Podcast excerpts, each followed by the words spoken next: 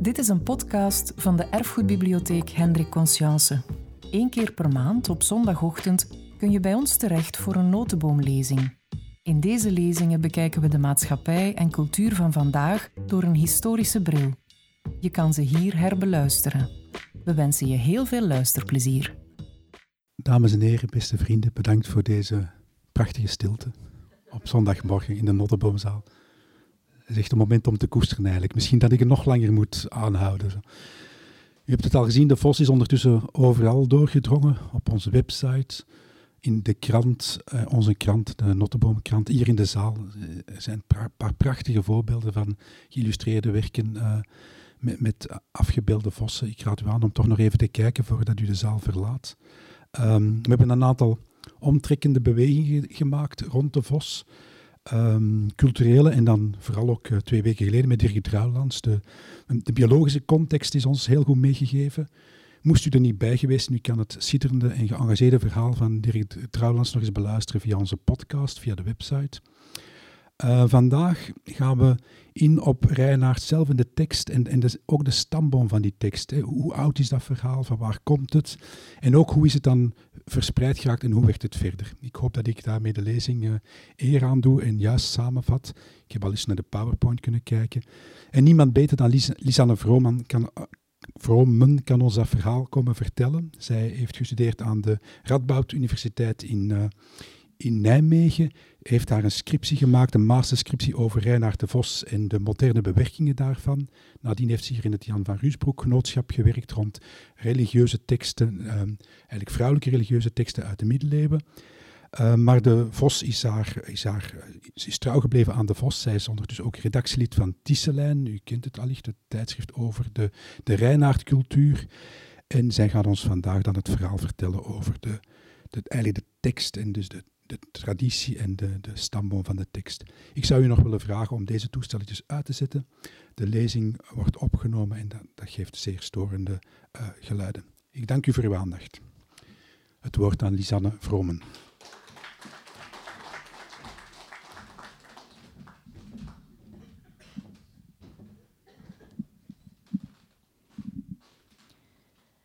Koen, hartelijk dank uh, voor deze duidelijke introductie. Natuurlijk ook nog een dikke proficiat uh, voor Anne en welkom voor uh, alle aanwezigen. In 2012 begon ik, zoals Koen al vertelde, aan de Radboud Universiteit in Nijmegen aan mijn scriptie over bewerkingen en vertalingen van het middeleeuwse verhaal van Van den Vos. En jong en onbezonnen als ik was, had ik toen het idee om alle Reinaard-teksten die er zijn, alle Reinaard-bewerkingen die er zijn, althans alle moderne, om die onder ogen te krijgen. Het resultaat was dat ik vele dagen heb doorgebracht in de KB in Den Haag. Daar vinden, daar zich namelijk een rijke collectie aan kinderboeken. En Reinaard verschijnt nogal eens in kinderboeken. Maar ook hier, in de erfgoedbiep Hendrik Conscience. Niet zozeer in deze zaal, uiteraard, maar in de, in de leeszaal. Daar zat ik en boekje na boekje vroeg ik aan, terwijl ik ondertussen aantekeningen maakte of nog wat opzocht. En al heel snel kwam ik tot de conclusie dat ik me moest beperken. En zo komt het dat ik mijn scriptie uiteindelijk geschreven heb over slechts 61 bewerkingen. Namelijk die bewerkingen met een voor- of nawoord. En ik ben erin gaan kijken naar de visie op de vos. Hoe wordt Reinaard in die teksten weergegeven? Hoe wordt Reinaard de wereld ingestuurd? Die teksten zijn natuurlijk belangrijk omdat die weergeven waarom de bewerker met die vos aan de slag gaat. Maar het zijn ook teksten die de lezer helpen om de tekst te interpreteren. En die bepalen dus voor een groot gedeelte de visie op de vos. Ik hou niet helemaal van beperking, dus ik heb daarnaast ook nog gekeken naar een vijftal bewerkingen waarin het verhaal van Reinaard juist om politieke redenen aangepast wordt. Ik heb over beide delen eerder gesproken en eerder gepubliceerd. En dit is ook niet waar ik het nu over wil hebben. Toch neem ik je even mee terug naar dat moment. Want dat is het moment waarop mijn liefde voor Reinaard begonnen is. Vanaf dat moment werd ik gegrepen door de vos. En je ziet uh, waar dat toe leidt. Op het scherm zien jullie een afbeelding van mijn eigen kleine, toch en bescheiden Reinaard-collectie. Uh, en vanaf dat moment is er eigenlijk ook één vraag die me nog steeds interesseert. Waarom blijft dit dierenepos relevant? Waarom blijft Reinhard fascineren? Komt dat door de aantrekkelijkheid van het verhaal? Door de kracht van Reinhard Staal? Door zijn vermogen om het andere tegen hem af te laten leggen?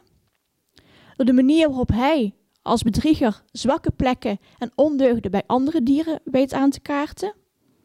Of is er meer aan de hand op de kromme paden van Reinaard de Vos? In deze lezing wil ik jullie meenemen op de weg die Reinaard afgelegd heeft in vooral de Nederlandstalige letterkunde. En daarmee hoop ik te kunnen verklaren, in ieder geval voor een gedeel, waarom we Reinaard nog steeds lezen, waarom we het nog steeds onderwijzen en waarom we het nog steeds herschrijven. Verhalen over dieren zijn zo oud als de mensheid, of in ieder geval zo oud als de taal. En ze komen voor in veel culturen. We kennen een dertiental fragmenten, fragmenten van kleitabletten met het zogenaamde Akkadische verhaal van de vos. Die kleitabletten bevinden zich nu in het British Museum in Londen. En daar is ook een catalogus, ook op een kleitablet, waar het verhaal van de vos zich bevindt, gebroedelijk naast het epos van Gilgamesh. Waar gaat dat verhaal van de vos over? Er is een vos en hij wordt beschuldigd, voor hij wordt beschuldigd van misdaden jegens zijn gezin door de wolf. Dus de wolf beschuldigt de vos van misdaden jegens zijn gezin. Hij eist de doodstraf, maar de vos belooft een offergang te gaan maken naar de tempel van Enlil. En op die manier weet hij aan de doodstraf te ontkomen. dat is eigenlijk al ons Reinaard-verhaal in het kort. En dat in het jaar 2000 voor Christus. Dus Reinaardsweg is heel, heel lang. Als we het hebben over dierenverhalen waarin onder andere vossen voorkomen, dan moeten we het ook hebben over de fabels van Aesopus op schrift gesteld in 300 voor Christus, maar ook deze verhalen zijn al ouder. Ook deze verhalen werden al eeuwen ervoor mondeling doorgegeven en zijn ook wijd verspreid geraakt. Dat blijkt bijvoorbeeld uit dit Arabische verhaal, waarin we een fabel zien die wij kennen als de vos en de raaf. Hier is het de vos en de kraai. Ik heb één specifieke fabel die ik graag in zijn geheel voor wil lezen. Het gaat over de vos, de wolf en de leeuw. Ik lees hem voor in de vertaling van Hein van Doden. Een oude leeuw lag ziek in zijn hol. Alle dieren kwamen om hun koning te bezoeken, behalve de vos. De wolf zag zijn kans schoon om de vos bij de leeuw zwart te maken, omdat hij volgens hem geen enkel respect voor zijn alleenheerser had en daarom ook niet op ziekenbezoek was gekomen. Precies op dat moment kwam de vos voorbij en hij ving de laatste woorden van de wolf op. De leeuw schold de vos de huid vol. Daarop vroeg de vos ter verdediging: Wie van de aanwezigen heeft u zo'n grote dienst bewezen als ik? Ik ben her en der gaan zoeken naar een dokter om een geneesmiddel voor uw ziekte te vragen. En ik heb een goed advies gekregen. De leeuw liet hem meteen vertellen wat dat geneesmiddel dan was. De vos antwoordde: u moet een wolf levend vullen en zijn vel omslaan als het nog warm is. Ogenblikkelijk werd de wolf gedood, waarna de vos lachend zei: Men moet zijn meerdere niet tot kwaadwilligheid, maar tot welwillendheid aanzetten. We kennen hier eigenlijk al een aantal elementen van Reinaard. Alle dieren komen op audiëntie bij de leeuw, maar eentje ontbreekt: de vos. Hij wordt vervolgens beschuldigd, maar hij heeft een list en weet te ontkomen. Sterker nog, hij weet er zelfs voor te zorgen dat een ander de diepe wordt, de wolf die gevild wordt. Karaktereigenschappen zijn er ook wel weer aanwezig. De sluwheid van de vos en ook de rolverdeling is al duidelijk. De leeuw is een koning.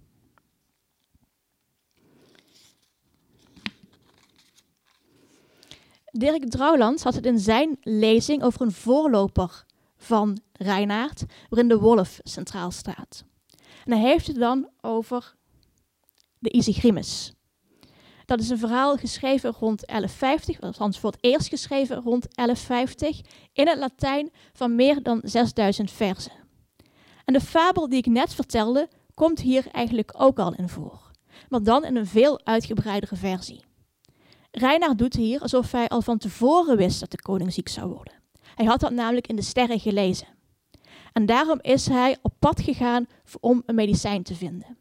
En dat medicijn is tweeledig. Het bestaat allereerst uit een drankje dat Reinaard ter plekke gaat maken voor de koning. Maar dat drankje werkt alleen als er ook iets anders gebeurt, namelijk als er een vel van een wolf over de koning gehangen wordt. Dus weer hetzelfde motief. Hier wordt de, de wolf echter niet meteen gedood. Want Isigrim, zo heet de wolf hier, die ziet de bui al hangen en die probeert te ontsnappen. Maar Reinaard gebruikt dan vooral de krachten van zijn taal en met een lange redenvoering weet hij de wolf en de andere dieren van te overtuigen dat het echt, echt, echt noodzakelijk is dat de wolf gevild wordt. In het pad van Reinaard van de fabels naar Reinaard zelf uh, markeert de Isigrimus eigenlijk twee heel belangrijke stappen. Allereerst is het eerste verhaal waarin de dieren namen krijgen. De wolf is Isigrim, of in Latijnse naam van Isigrimus, en de vos heet Reinaard of Reinardus. Het is ook het eerste verhaal waarin vos en wolf tegenover elkaar komen te staan. Maar toch zijn er nog stappen te zetten. Hier staat, zoals ik al zei, de wolf centraal. Dus het verhaal is als het ware de lijdensweg van de wolf. Hij wordt uiteindelijk meerdere keren gevild. Hij wordt mishandeld. Hij verliest zijn staart. Hij komt met zijn poot vast te zitten in een klem, waardoor hij ook zijn poot verliest. En uiteindelijk wordt hij zelfs gedood. Ze volgen hier het pad van een slachtoffer, van iemand die bedrogen wordt. En daarnaast heeft het verhaal ook een hele belangrijke klerikale setting. Isigrim laat zich namelijk door Reinaard verleiden om het klooster in te gaan. Meer specifiek de Sint-Pietersabdij van Gent. dat is overigens ook de context waarin dit verhaal hoogstwaarschijnlijk geschreven is. Dus in Gent en omgeving.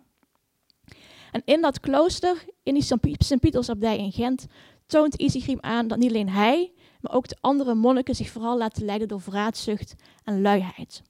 Het verhaal speelt daar dus grotendeels af in een klerikale setting. En ook daar moeten we zowel de schrijver als het publiek zoeken. Dat is een Latijnse tekst, met ook heel veel woordspelingen op bijvoorbeeld liturgie en verwijzingen naar andere Latijnse teksten, zoals de vagante poëzie. Maar de wereld verandert. En Reinaard, de sluwe vos, verandert mee. Vanuit het Latijn komt hij terecht in het Franse taalgebied en wel als de zogenaamde roman de Renard. Dat is eigenlijk niet één verhaal, dat lijkt het woord roman te impliceren, maar dat zijn een dertigtal losse verhalen, ook wel branches of takken genoemd. Dat vind ik eigenlijk een hele symbolische benaming, omdat Reinaard tot op de dag van vandaag nog steeds allerhande verschillende aftakkingen heeft.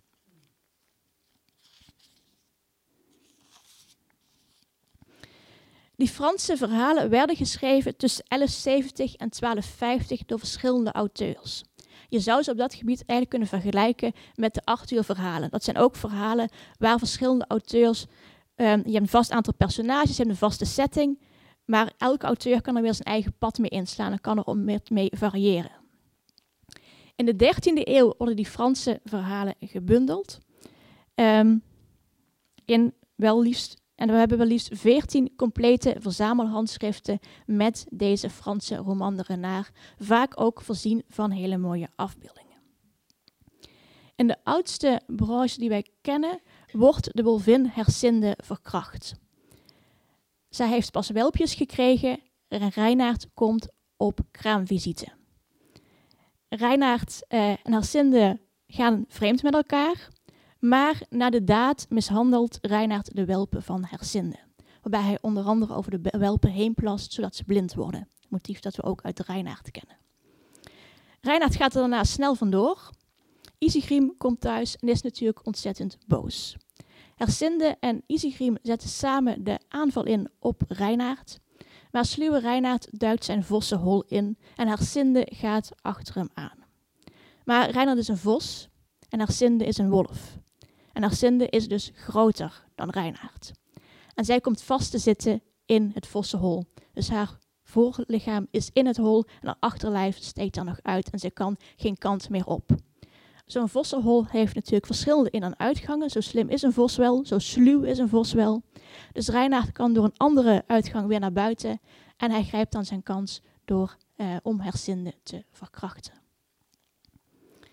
De meest bekende Franse tekst is een vervolg op die verkrachting. En dat gaat dan om het proces dat uh, gehouden wordt om Reinaard hiervoor te veroordelen. Dat proces bestaat uit drie dagingen. Een daging door de beer, Brun, een daging door de kater, Tibeert, en een daging door de das, Grimbeert. En pas bij de derde daging komt de vos daadwerkelijk aan het hof.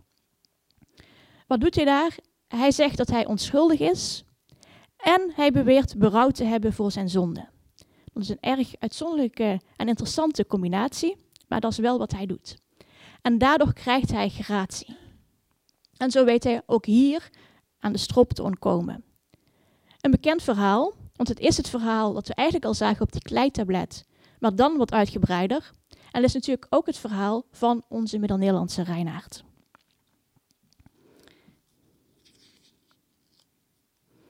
Wat is er hier eigenlijk gebeurd ten opzichte van de Isigrimus? Hier komt opeens de vos centraal te staan. Het gaat niet meer om de bedrieger. Het gaat niet meer om het slachtoffer. Sorry, het gaat niet meer om de bedrogene. Het gaat niet meer om het slachtoffer, maar om de bedrieger. We volgen de stappen van de bedrieger zelf. De wolf is met zijn aanklacht enkel nog de katalysator van het verhaal. Dus hij zorgt dat het begint, maar vanaf dat moment is hij eigenlijk een bijpersonage en gaat het om Reinaard de Vos. Ook de setting is veranderd. We hebben hier geen klerikale setting meer, maar een feodale setting. En daarmee zijpelt ook de invloed van de ridderroman, ik noemde ze al, daarmee zijpelt ook de invloed van de ridderroman het verhaal binnen. Het begint met een hofdag. En dat is natuurlijk een klassieke opening van een Arthur-roman. Een hofdag waarbij de ridders samenkomen aan het hof van koning Arthur. En ook hier komen de dieren samen aan het hof van koning Nobel. Die ridders van Arthur worden vervolgens uitgestuurd om een kweeste met als doel de gevestigde orde herstellen. En dat is ook wat de dieren doen. Brun heeft een kweeste en zijn doel, hij heeft daarmee een doel en hij moet daarmee de gevestigde orde herstellen. Maar het loopt bij de dieren anders af. De ridders keren terug naar het hof als overwinnaars. Maar de dieren keren terug naar het hof als slachtoffers. Brun verliest zijn wangen, hij verliest zijn poten, Tibert verliest een oog. Dus geen overwinnaars hier, maar slachtoffers. Dus eigenlijk wordt hier gespeeld met het procedé van die ridderroman. Dan komen we nu aan in het Middel-Nederlands. Want de roman de Renard vormt inspiratiebron voor de middeleeuwse tekst, Middel-Nederlandse tekst van Navos Reinaarde. Een tekst geschreven rond 1260, weer in Vlaanderen, uh, door een man waarvan we eigenlijk niet meer weten dat hij Willem heet. Ook wel bekend als Willem die Madokke maakte. En Madokke is dan een ander werk van Willem dat we helaas niet meer hebben. Wat doet Willem? Hij doet eigenlijk wat ook die schrijvers van Arthur verhalen doen. Hij doet, ook, hij doet wat ook die schrijvers van die verschillende Franse branches doen. Hij slaat zijn eigen weg in met de tekst.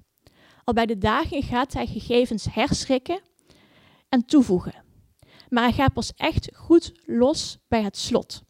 Dat slot telt in het Middelfrans 300 verzen, maar in het Middel-Nederlands 1600. Er wordt dus flink wat toegevoegd. De vijanden van Reinaard die het hof verlaten om de galg in gereedheid te brengen, zodat Reinaard en het hof vrij spel heeft. Reinaards leugenverhaal over de samenzwering van Brun en Isigrim tegen Nobel. Reinaards leugenverhaal over de schat die hij verstopt heeft. De verzoening tussen Nobel en Reinaard. En de omschrijving van Kriekenputten, waar de schat zou liggen. Dat zijn allemaal creaties van de Vlaamse Willem. Maar Willem doet meer dan de tekst langer maken.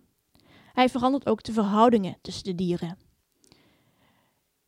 Isigrimus en de roman de Renard gaan over een vete tussen twee leenheren van de koning. Een vete tussen wolf en vos, tussen Isigrim en Reinaard.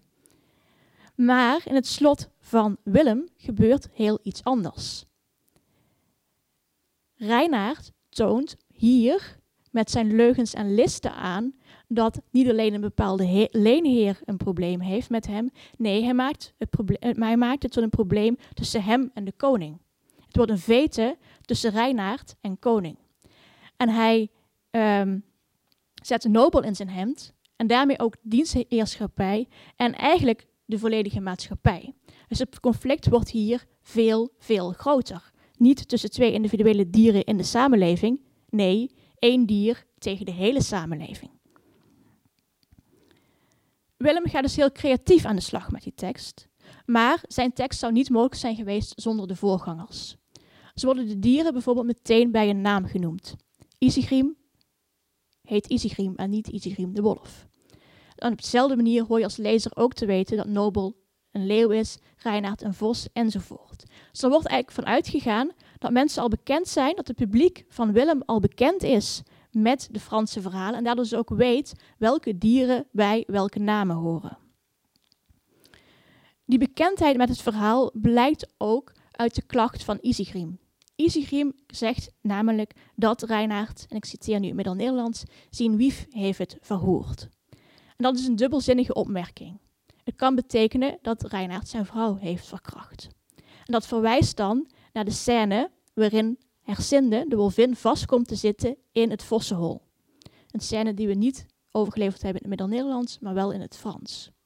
Maar het kan ook betekenen dat hij mijn vrouw heeft verhoord. Dat hij met mijn vrouw heeft gedaan wat zij graag wilde. En dan verwijst het naar de overspelige relatie tussen vos en wolf, die we ook weer alleen kennen uit die Franse teksten. Dus het publiek is hiermee bekend en kan daardoor die dubbelzinnigheid doorzien. Of laat ik het anders stellen, de tekst in ieder geval bedoeld voor een publiek dat al bekend is met die tekst en de dubbelzinnigheid kan doorzien. Van den Vos Reinaarde wordt nu vaak gezien als de beste Reinaard-tekst en buiten de wetenschap ook nog wel eens als de enige Reinaard-tekst. Maar hij staat niet aan het begin van het verhaal over de vos en ook niet aan het einde, zoals we zo meteen zullen zien. Dus deze tekst, overleverd in twee handschriften en een drietal fragmenten, is slechts één stap in, in de lange weg van de vos.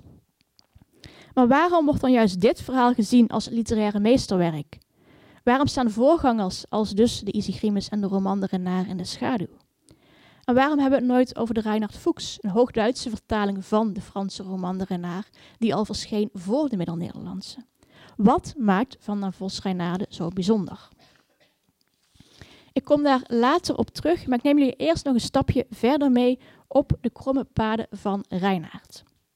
Reinaard krijgt namelijk ook in het Middel-Nederlands een vervolg. In 1357 verschijnt Reinaards historie.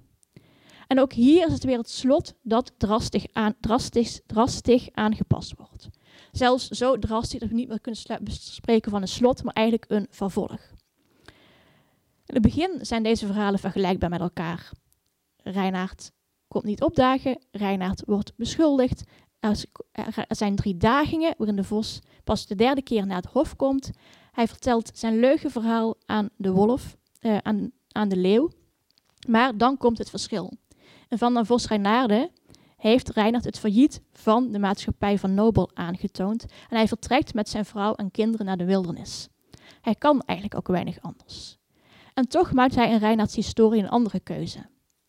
Hij blijft in het rijk van koning Nobel. Dat is heel gek en dat vindt Isigrim de Wolf ook. Er komt een duel tussen wolf en vos. Reinhard wint dat duel, natuurlijk weer gebruikmakend van zijn listen en streken. En hij wordt zelfs raadsheer aan het hof van de koning. Dus hier gaan we eigenlijk weer een stapje terug.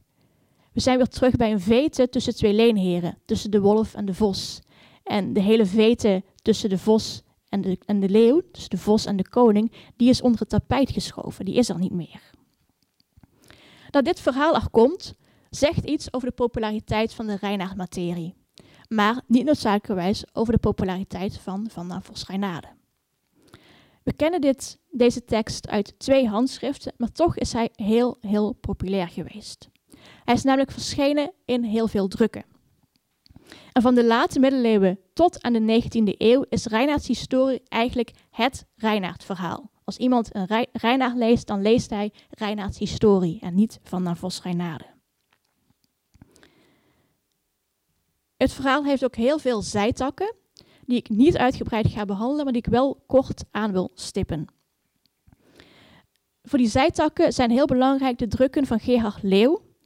En Gerhard Leeuw drukt haar boek in twee versies, een rijmdruk, maar hij maakt ook een proza-versie van die tekst.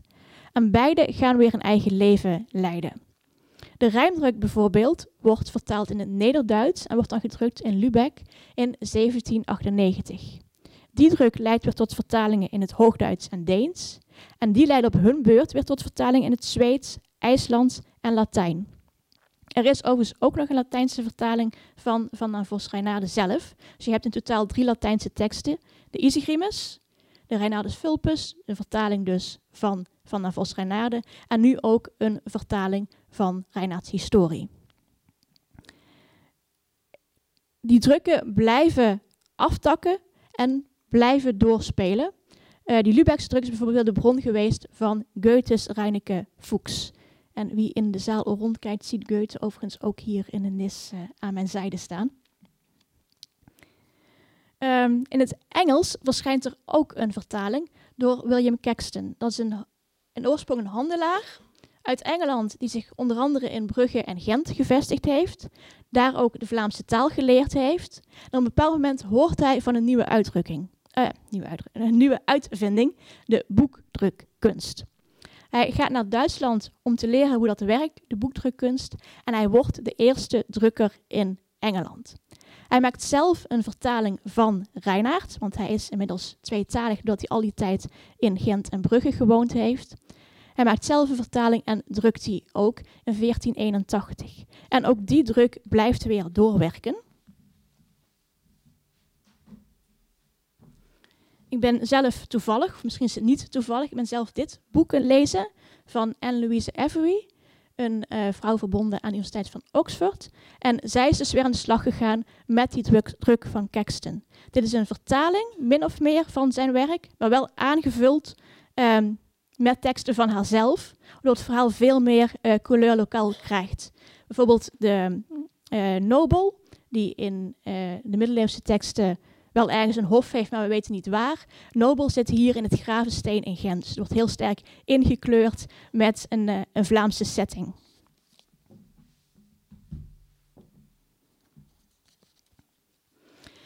Ook in, het Nederlandse taalgebied blijft, dit, blijft Reinaard in die drukken doorwerken. Aangezien we hier in Antwerpen zijn, kan ik deze druk niet ongenoemd laten. Plantijn gaat aan de slag met Reinaard. Hij publiceert verschillende Reinaard-drukken. Dat zijn hele mooie, luxe uitgaves, bedoeld voor een schoolmilieu. En hij laat daarvoor ook 43 illustraties maken.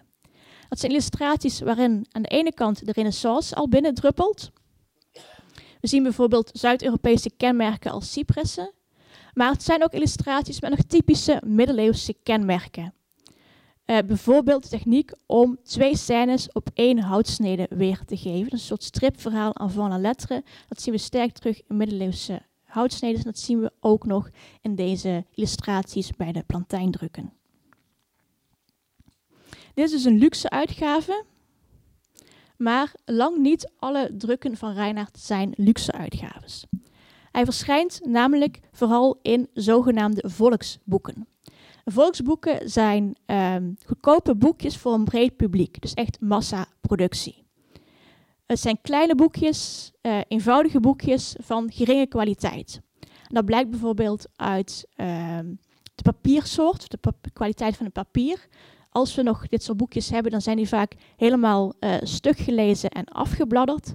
het blijkt ook uit de houtsnedes, die heel vaak uh, herbruikt worden, waardoor je ziet die houtsnedes uh, stukjes missen, dat er bijvoorbeeld houtwormen aangezeten hebben. En dat blijkt ook uit het drukwerk zelf. Dat is vaak redelijk snel gedaan, er zitten drukfouten in. Dus boekjes van lage kwaliteit, ook in laag aanzien. Maar toch is dit de manier waarop Reinaard de tand destijds heeft overleefd. Dit is de manier waarop Reinaard van de late middeleeuwen tot aan de 19e eeuw in druk is blijven verschijnen. Dat is overigens iets wat je ook ziet voor andere middeleeuwse verhalen. Dus ook de ridderromans zijn juist door dit soort boeken aanwezig gebleven in het culturele geheugen. Um, voor Reinhard maken we onderscheid tussen de Noord-Nederlandse en de Zuid-Nederlandse drukken. Dat heeft onder andere te maken met het feit dat Reinhard op de index is beland en dus in het katholieke zuiden een tijd lang niet gedrukt heeft mogen worden. In het noorden blijft hij dus eigenlijk constant verschijnen. En wel met ook een eigen illustratiereeks. En die illustratiereeks, zie je dus niet alleen de tekst, maar ook de afbeeldingen blijven doorwerken. Die illustratiereeks gaat terug op de drukken van Gerard Leeuw. Gerard Leeuw strakelt namelijk de zogenaamde Haarlemmer meester in. Dat is een anonieme meester die houtsneden maakt bij de druk van Gerard Leeuw. In de Noord-Nederlandse druk verschijnen dan houtsneden die daarop geïnspireerd zijn. En overigens ook de Engelse drukken, die drukken van Caxton die ik noemde, ook daar komen weer houtsneden geïnspireerd op de Haarlemmer meester door. Dus die afbeeldingen blijven doorwerken. De Zuid-Nederlandse drukken, we zien er hier eentje van Hieronymus V. Verdussen, gedrukt te Antwerpen. Die Zuid-Nederlandse drukken hebben ook een eigen illustratiereeks. Wel, en wel een illustratiereeks van Antwerpen naar Erasmus II eh, Kweelijn en Jan Christopher Jeger.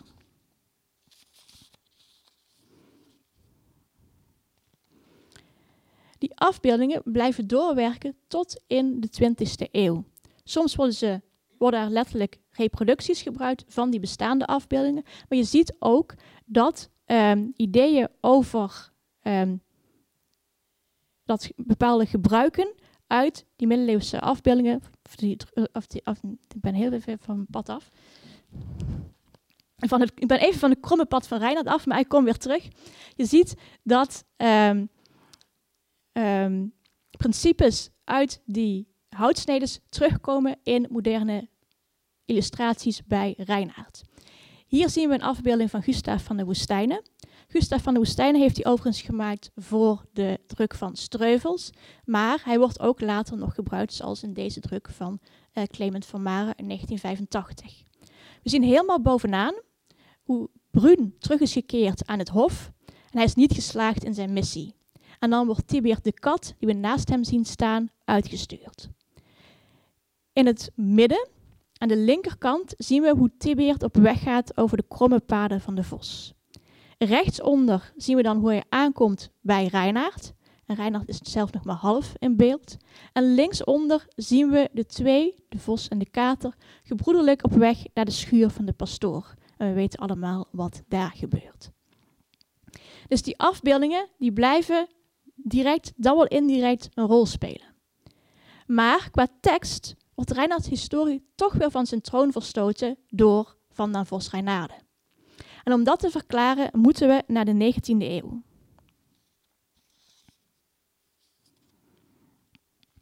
In 1794 publiceert Goethe zijn Reineke Fuchs, gebaseerd dus op via verschillende tussenstappen die Lübeckse druk. En ik zeg verschillende tussenstappen, want hij gebruikt uiteraard gewoon een editie.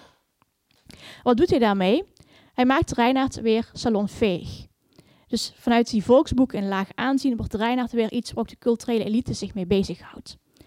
En Goethe staat daarmee aan de basis van een vossenjacht, waarin gespeurd wordt naar de oudste boeken, de oudste bronnen van het Reinhard-verhaal.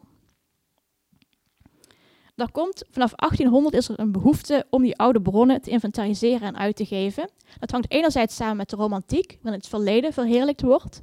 De andere kant ook met het nationalisme dat in die tijd opkomt, waar men gaat zoeken naar de oorsprong van een volk. En dus ook al die oude teksten, oude verhalen, oude geschiedenis weer bloot wil leggen. Dat leidt tot de institutionalisering van de filologie. Vroeger was dat vooral een hobby, nu wordt letterkunde en taalkunde een, een vak. Maar het zorgt er ook voor dat het terechtkomt in een politieke rivaliteit tussen de verschillende Europese naties. En het is daar dat de kromme paden en de sluipwegen van Reinaard weer bloot komen te liggen. In 1805 komt dit handschrift boven water. Wij kennen het nu als het Comburgse handschrift.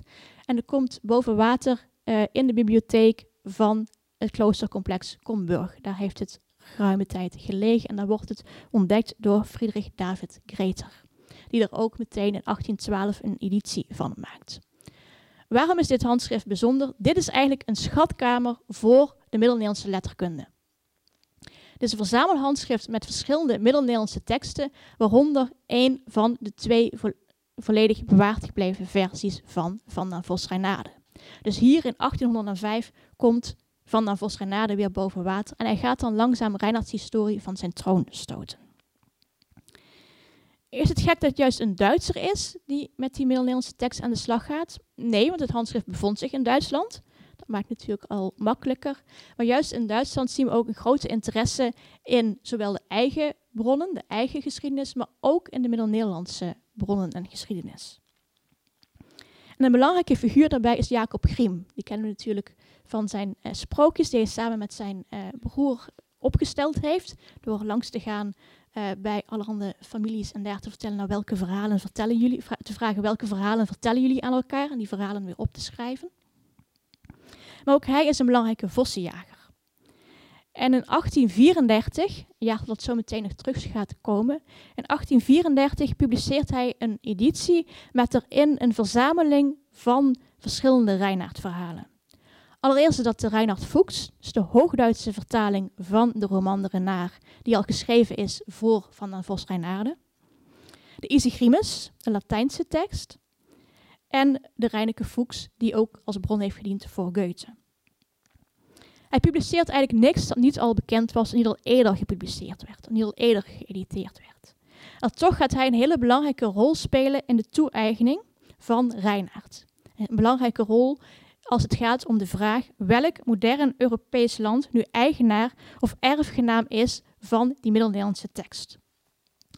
Hoe zit dat? Eigenlijk werd aangenomen dat de Franse roman de Renarde dat de oudste was. En dat die dus ook aan de basis staat van alle andere Europese teksten over Reinaard. Dus al die andere Europese teksten zijn vertalingen en afgeleiden van die Franse tekst die centraal staat. Griem is het daar niet mee eens. En daar heeft hij eigenlijk ook politieke redenen voor. Want hij wil Reinaard claimen als collectief cultureel Germaans-Frankisch erfgoed. Maar dat kan hij natuurlijk niet doen op basis van die Duitse drukken alleen. Want die zijn duidelijk jonger dan de handschriften die er zijn. Dus wat heeft hij nodig? Allereerst de Isigrimus, die Reinaard situeert in het Gentse. Maar vooral ook die Middel-Nederlandse Reinaard. Die Reinaard, waardoor de Reinaard dus duidelijk in ieder geval niet zozeer Duits, maar in ieder geval wel als Germaans te typeren is. Hij gaat naar de Nederlanders, maar de Nederlanders hebben vooral interesse in de Gouden Eeuw. Dus daar blijft hij op zijn honger zitten. De kaarten komen echter anders te liggen als in 1830 België onafhankelijk wordt. Want daar is juist wel een hele grote interesse in het eigen verleden, in de eigen bronnen. We zitten hier in de, in erfgoedbibliotheek Hendrik Conchos. En Conchos is natuurlijk de naam die daarmee verbonden is. Conchos gaat het Belgische verleden opzoeken om zo uh, zijn volk te leren lezen. En zo ook één, uh, één Belgische identiteit, één Belgische natie te maken. Maar Conchos staat niet alleen. Naast hem staat Jan Frans Willems en dat is wel de grote Vlaamse vossenjager geweest. In 1834, dus in hetzelfde jaar als die editie van Grimm die ik net noemde, in 1834 publiceert hij een moderne vertaling van de Middel-Nederlandse Reinaard. En daarin claimt hij dat juist die Middel-Nederlandse tekst de originele Reinaard is. Hij zegt dat de vos bekend is in heel Europa, maar, en ik citeer, de Vlaamse tekst, het zij van die druk, het zij van vroegere handschriften diende veelal tot eerste grondslag dier vertalingen. Dus hij zegt eigenlijk, de onze is de oudste. Let wel, hij maakt hier nog geen onderscheid tussen Van der Vos Reynade en Reinaards historie. Hij heeft het zowel over de drukken als de handschriften. Maar hij beweert ook dat die Vlaamse tekst alle andere dierengedichten met dezelfde naam overtreft. Dus het is niet alleen de oudste, maar ook de beste. Het verhaal van Reinaard gaat verder. De KB in Brussel koopt het Brusselse handschrift. Dat Brusselse handschrift heette toen natuurlijk nog niet het Brusselse handschrift. Het is zo gaan heten door die aankoop. Maar in dat Brusselse handschrift bevindt zich ook een handgeschreven Reinaard-tekst, namelijk Reinaards historie. En de KB vraagt aan Willems, Jan Frans Willems, om een editie te maken daarvan. Dat doet hij en hij publiceert dan deze wetenschappelijke uitgave. En daarnaast publiceert hij ook in hetzelfde jaar, 1836 hebben we het dan overigens over. Daarnaast publiceert hij ook in datzelfde jaar een editie voor schoolgebruik. Een editie die heel invloedrijk is geweest en tot in de begin 20e eeuw hergebruikt is. Wat doet Willems hier? Hij zet Reinaard binnen de literatuur, binnen de wetenschap en binnen het onderwijs eigenlijk op de kaart. Drie edities, een moderne vertaling om op de kaart te zetten binnen literatuur, een wetenschappelijke om Reinhard op de kaart te zetten binnen de wetenschap en eentje voor het onderwijs om Reinhard ook daar op de kaart te zetten. Maar Willems doet meer dan dat. Hij zorgt er ook voor dat Reinhard een belangrijke figuur wordt binnen de Vlaamse beweging. En je ziet dat allerhande Vlaamsgezinde filologen en schrijvers um, ook aan de slag gaan met Reinhard. Ik noem er een aantal. Prudens van Duizen, 1882. Rafael Verhuls, 1909. Stijn Streuvels, die uh, flink gegrepen wordt door de Vos en verschillende uh, edities van het Vossenverhaal maakt. Eerst in 1910. Ik zag overigens dat achter in de zaal ook uh, een hele mooie geïllustreerde editie van Streuvels ligt. Timmermans in 1919 en Paul de Mond in 1925. En de editie van Paul de Mond is een toneelbewerking die we al kennen van de lezing van Karel Vingerhoed.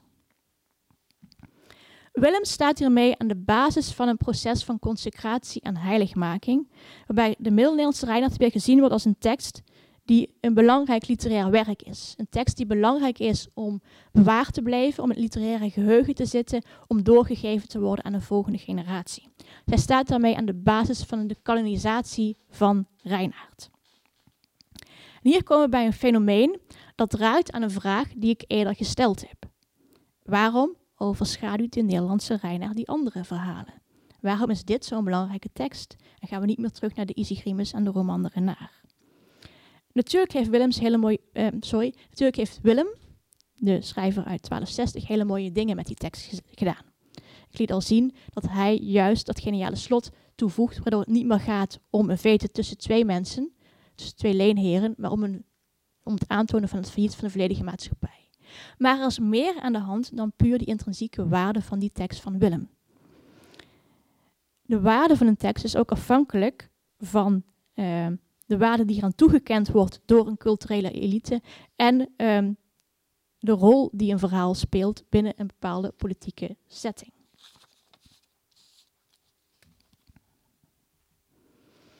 Ik neem jullie mee naar Streuvels. Willems claimt Reinaard als de oudste tekst en de beste tekst. Maar je ziet dat bij een aantal van de schrijvers die ik net noemde, dat er nog iets extra's bij komt. Reinhard is niet alleen de oudste en de beste, het is ook, ook een nationaal epos waarin de volksaard van de Vlaming verborgen ligt. Dat is een extra stap ten opzichte van Willems. Streuvels vindt dat Reinaard, de Middel-Nederlandse een nationaal kunstwerk is dat beschikbaar moet worden voor het gewone volk. Ik zal zijn citaat even voorlezen. Moet Reinaard, waar de ziel, de lustige adem, het sappige bloed, de zwaai, de zwier, de lenigheid van het machtig leven, waar de bruisende tocht van de gezonde Vlaamse geest in steekt en heel het werk doorwaait als een felle tocht. Moet het werk waarin het Vlaamse volk vooral zijn eigen wezen en eigen aard in verkent?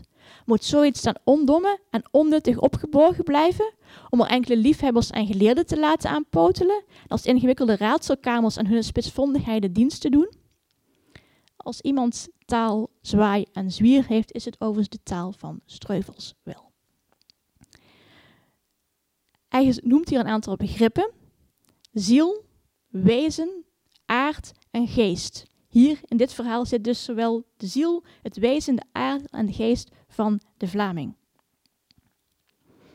En daarom is het volgens hem zo'n belangrijke tekst. Is nog een extra stap ten opzichte van Willems. De Vlaamse beweging verandert en Reinaard, zoals altijd, verandert mee. Als we het hebben over conscience, als we het hebben over Willems, dan hebben we het over een emancipatiebeweging van de Vlaming binnen België. Maar in het begin van de 20e eeuw zie je dat er ook andere tendensen ontstaan, waarin het vooral gaat om een strijd tussen Vlaams en Waals.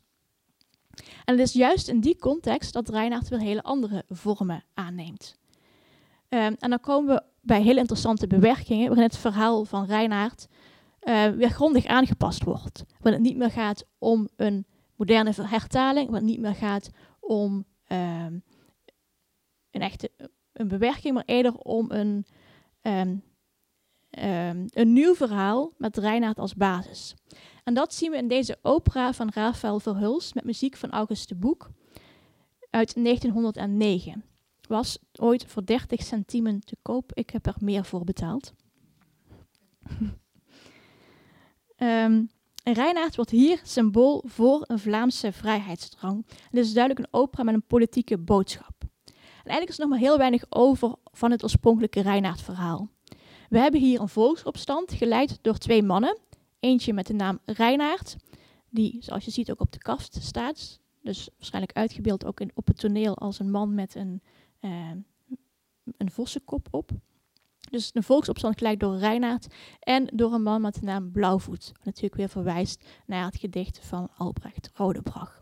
Dus hier combineert Verhulst ook twee Vlaamse subteksten, Vlaams-nationalistische subteksten. Een opstand tegen de elite. En die elite bestaat uit Brun, Isegrim en Nobel. Dus de figuren, de personages, die herkennen we van Reinaard. En er zitten ook allusies en citaten in die duidelijk maken dat dit teruggaat op het Reinaard-verhaal uit de middeleeuwen. Maar eigenlijk is het een hele andere tekst geworden. Een ander voorbeeld van dit ook gebeurt is deze bewerking van Felix Timmermans in 1909, net na de Eerste Wereldoorlog. Hij heet Boudewijn en Boudewijn is een ezel. En Boudewijn de Ezel komt al voor in Reinaards historie. Dus dat is niet volledig verzonnen door Timmermans. Maar het personage Boudewijn zoals die hier geschapen wordt, dat is wel een vinding van Timmermans. Dit verhaal kun je best zien als een vervolg weer op Van den Vos Reinaarde. Want Reinaard leeft niet meer in het rijk van koning Nobel. Hij is verbannen, hij leeft er buiten. In het rijk van koning Nobel leeft wel het Franse hondje Courtois en hij heeft een slaaf, namelijk de ezel Boudewijn en de ezel Boudewijn streeft naar vrijheid. En hij denkt, nou, ik en Courtois, we hebben een gezamenlijke vijand, namelijk die Reinaard. Ik ga Reinaard aanvallen, ik ga Reinaard doden en dan kan ik mijn vrijheid krijgen. Het lukt hem niet om Reinaard te doden en het lukt hem ook niet om vrijheid te krijgen. En dan bedenkt hij het volgende, als het me niet lukt met strijd tegen gezamenlijke vijand om vrijheid te krijgen, dan moet ik aan de slag met andere manieren en wel de listen en streken van de vos. Die moet ik me eigen maken om uh, die vrijheid te krijgen. Het, hier zitten hele duidelijke verwijzingen naar uh, Reinaard. Het verhaal um, volgt ook hetzelfde patroon van Reinaard met weer verschillende um, dagingen, waarin de ezel op zoek gaat naar Reinaard. Um, maar toch is het een hele andere tekst, met ook weer hele andere uh, verwijzingen, want het gaat heel duidelijk over de frontbeweging, zoals duidelijk mogen zijn. Um, er is een lezing waarin Timmermans ook nog extra uitleg geeft over deze tekst. En hij zegt dan: Het Vlaamse volk was ooit een Reinaard, maar het is een ezel geworden die zich laat onderdrukken. En het moet eigenlijk weer een Reinaard worden. Zoals ook Boudewijn tot de conclusie komt dat hij, zich weer, dat hij gebruik moet maken van listen, zo moet ook het Vlaamse volk dat doen. Dit zijn dus verschillende takken waarin Reinaard terechtkomt door die Vlaamse beweging. Maar deze takken zijn wel de uitzonderingen. De meeste Reinaardbewerkingen uit de 20e eeuw volgen eigenlijk heel getrouw van Navos Reinaarden. En soms ook nog Reinaards historie. Dus Reinaards historie is er niet volledig uit, ook die is er nog. En toch is ook hier de erfenis van Willems subtiel aanwezig. Eerst even iets over die bewerking. Het zijn er um, heel veel. Ik heb hier deze bibliografie met alle Reinaardbewerkingen vanaf 1800. En daar staan zo'n uh, 219 uh, Reinaardbewerkingen in. En dit is dan de versie uit 2004. Hij is inmiddels weer uh, aangevuld. Dus er zijn heel, heel veel Reinaardbewerkingen. Reinaard is echt een tekst die blijft verschijnen, die mensen blijft fascineren. Niet alleen opnieuw te lezen, maar vooral ook om opnieuw te schrijven. We hebben bewerkingen in proza, bewerkingen in rijm, toneelbewerkingen, stripbewerkingen, bewerkingen voor kinderen, bewerkingen voor schoolgebruik, maar ook bewerkingen voor volwassenen. Bewerkingen van bekende auteurs, bijvoorbeeld de kinderboekenschrijver Paul Biegel, Louis Paul Boon gaat ook aan de slag met de vos. Uh, Allard Schreuder, Gerard Waldschap. Ook heel veel bewerkingen van minder bekende auteurs. Dat zijn bewerkingen van zowel, uh, zowel uit Nederland als uit Vlaanderen. Dus de vos is ook al lang geen Vlaamse aangelegenheid meer. De Nederlanders hebben nu meer in zicht dan alleen de Gouden Eeuw. Ik neem jullie nu toch een heel klein stukje mee in mijn masterscriptie. Daarin heb ik dus gekeken naar voor- en nawoorden. Voor- en nawoorden, ik zei het net verkeerd. En die geven vaak ook aan waarom een bewerker beweert aan de slag te gaan met die tekst. Waarom is het volgens hem zo een belangrijke tekst? Het zal niet verbazen dat 41 van de 61 bewerkingen die ik heb bekeken wijzen op de literair-historische waarde van Reinaard. Hij wordt onder andere genoemd, of het verhaal wordt onder andere genoemd, een kroonjuweel uit de middeleeuwse letterkunde en het beroemdste dierenepos uit de West-Europese letterkunde. Maar ook hier zien we nog steeds het idee terugkomen dat die Middel-Nederlandse beter is dan de andere. Dit is een voorbeeld van Arjan van Nimwegen. Uh, overigens is zijn bewerking meerdere keren herdrukt en hij past ook nog eens zijn voorwoord aan. Dus deze, dit citaat vind je niet overal terug. Maar in een van zijn voorwoorden beweert hij in ieder geval maar dat in de Middel-Nederlandse versie het Reinaard-verhaal zijn volmaakste vorm bereidt, wordt ook internationaal nauwelijks betwist. Dus hier weer wat Willems eigenlijk ook al zei, de onze is de beste. Ik ga door naar Eddie Levens, die een Gentse bewerking heeft gemaakt. Dus een bewerking in het Gentse dialect. Overigens ook uitgegeven met een uh, cd erbij, zodat je het ook kan uh, beluisteren als je zelf het Gentse dialect niet spreekt. En daarin staat een voor- of nawoord van Johan Taaldeman. En daarin lezen we... Onze Reinaard is heel duidelijk in de internationale traditie van dierenverhalen te situeren. En laten we hier maar zonder meteen een greinchauvinisme aan, aan toevoegen, spande ongetwijfeld de literaire kroon. Dus ook hier weer, de onze is de beste. Een interessante om te noemen is ook Karel Jonkheren. Daar heb ik het citaat niet van erbij staan. Maar hij vergelijkt de tekst heel expliciet met de Franse voorganger, door hem het Franse model genoemd. En hij zegt dan dat de Vlaamse Reiner dat Franse model verre overtreft in psychologische motivering, in structurering en in zeggingskracht.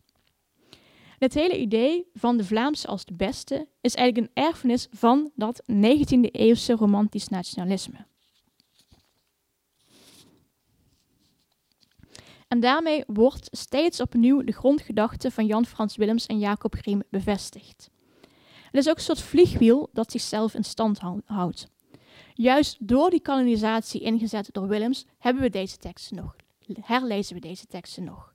Maar elke nieuwe bewerking zorgt er ook, draagt ook weer bij aan die kanonisatie. Zorgt er juist voor dat het literaire geheugen bewaard blijft. Dus al die bewerkingen, maar ook het onderwijs, waarin Reinhard als belangrijk cultureel erfgoed wordt gepresenteerd. En vooral ook kinderbewerkingen, waarmee impliciet aangegeven wordt dat dit verhaal belangrijk is om aan de volgende generatie door te geven, dragen bij aan die kanonisatie.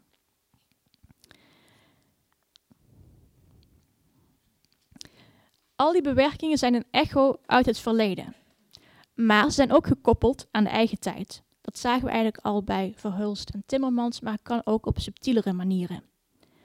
We vertellen elkaar verhalen om betekenis te geven aan het heden. En als wij oude verhalen opnieuw vertellen, dan staat dat vaak in het licht van de betekenis die we er in het hier en nu aan geven. Aan de hand van Reinaard kunnen we een geschiedenis schrijven van bijvoorbeeld kritiek op de kerk. Kan dat wel of kan dat niet? Er komt een pastoor voor in het verhaal. Die pastoor is getrouwd. Maar er zijn ook heel veel bewerkingen waarin die kritiek op de kerk niet kan en de pastoor maar meteen tot een koster gemaakt worden. Kunnen schunnigheden wel of niet? Hoe zit dat bijvoorbeeld met die scène met Tibeert en de pastoor, waarin Tibeert de pastoor castreert en met zijn klauw in zijn kruis grijpt? Ook dat is een scène die heel vaak aangepast is. Je ziet hier bijvoorbeeld uh, rechtsonder, niet helemaal, uh, sorry, linksonder, dan de tweede van links, Paul Biegel, bewerking uit de jaren 70. Dat is de eerste kinderbewerking waarin de scène met de pastoor uh, ongekuist, ongecensureerd voorkwam. Dus dit soort dingen kun je ook laten zien aan de hand van Reinaard. Je kan natuurlijk ook in al die bewerkingen een beeld schetsen van hoe kijken we tegen Reinaard aan. Geeft Reinaard het goede voorbeeld? Gaat het om wie niet sterk is, die moet slim zijn? Of is het juist een waarschuwingsverhaal dat ons waarschuwt voor bedriegers zoals hij? Elke bewerking moet voor zich die vragen beantwoorden. En dat maakt dat elk verhaal over de vos weer anders is. En dat maakt het ook zo interessant om ermee bezig te blijven en toch wel te proberen om zoveel mogelijk van die 220 verschillende bewerkingen die er zijn onder ogen te krijgen en te lezen. Dat is wat voor mij Reinaard ook heel uh, interessant maakt. Ik kom tot mijn conclusie. Reinaard fascineert ons. Van 200 voor Christus tot 200 na Christus. En hij verschijnt in vele gedaantes. Als kinderboek of als kleitablet. Als strip of als toneelbewerking. Als waarschuwing voor schurken zoals hij. Of als vrijheidsstrijder wiens voorbeeld wij moeten volgen. Reinaard heeft vele aftakkingen. En elke variant kan weer inspiratie vormen voor een volgende variant. Dat geldt voor alle onderdelen van het Reinaard-verhaal. Dat geldt voor de tekst, dat geldt voor het verhaal, maar dat geldt ook voor de afbeeldingen. Reinaard spreekt ons aan omdat hij ingaat op universele thema's. List en bedrog. Inspelen op zwakheden van anderen. Het blijft ons fascineren. Maar er is ook meer aan de hand op de kromme wegen van Reinaard. Zijn waarde is niet alleen. De waarde van de tekst is niet alleen gelegen in de intrinsieke waarde, maar de culturele elite kent ook waarde toe en bevestigt die telkens. In het onderwijs, in bewerkingen in literatuurgeschiedenis. Grim en Willem, Willems zijn dus geslaagd in een opzet. We zien Reinaard niet meer letterlijk als de eerste onder de Reinaard-teksten, of het algemeen het verhaal dat ik vertelde over de Isigrimus, de roman de Renaar als voorgangers, wordt heel algemeen aangenomen. Maar we zien Reinaard toch nog heel vaak figuurlijk als de eerste onder de Reinaard-teksten. als ik Reinaard zeg, dan bedoel ik de Middel-Nederlandse Reinaard. In eerdere publicaties heb ik gekeken naar de vraag wat Reinaard heeft betekend voor de Vlaamse beweging. Maar er is ook een andere kant van het verhaal. Wat heeft de Vlaamse beweging betekend voor Reinaard? Door de erfenis van Jan Frans Willems is Reinaard er nog. Want wat als Reinaard niet herontdekt zou zijn? Of wat als er geen interesse zou zijn geweest in die oude handschriften? Voor de goede orde, naar schatting zijn er uit de bibliotheek van Comburg zo'n 2000 banden verloren gegaan. Dus dit is ook een reëel wat-als scenario. Dus wat als die interesse er niet zou zijn geweest? Zouden we Reinhard dan nog steeds lezen in die volksboeken? Dat zou ik wel heel leuk vinden. En dan had ik hier nu een collectie van volksboeken liggen in plaats van Reinhard bewerkingen. En dat zijn eigenlijk ook nog steeds Reinhard bewerkingen. Of zou Reinhard verloren zijn gegaan in tijden van Netflix en Spotify? Dat laatste lijkt me eigenlijk waarschijnlijk, waarschijnlijker en dat spreekt me veel minder aan. We moeten Jan Frans Willems dus dankbaar zijn, want hij heeft Reinaard en de Middel-Nederlandse letterkunde een grote dienst bewezen. Maar hij heeft ook onze blik op Reinaard bepaald. Dat wij nog altijd die Middel-Nederlandse Reinaard zo belangrijk vinden en veel minder zicht hebben op de Isigrimus en de roman Renaar. Daar heeft hij aan meegeholpen. En voor de goede orde, Isigrimus is ook een hele... Ik heb bijvoorbeeld Isigrimus voor deze lezing weer herlezen. Dat is ook een hele mooie, uh, interessante tekst. En ik kan vooral ook de vertaling van Mark Nieuwenhuizen daarvan aanraden.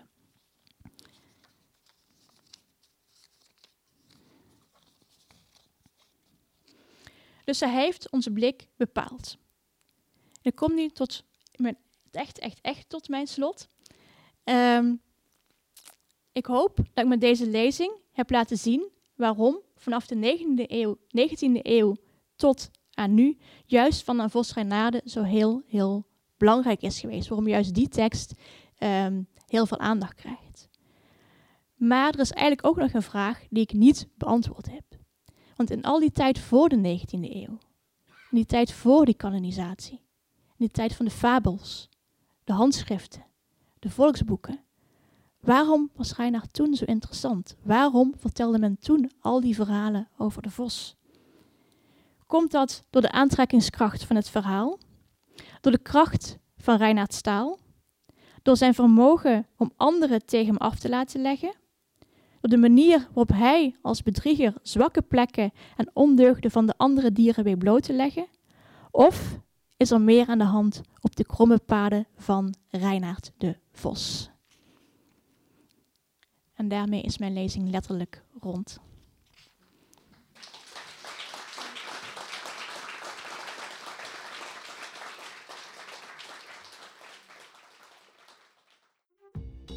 Je luisterde naar een podcast van de Erfgoedbibliotheek Hendrik Conscience.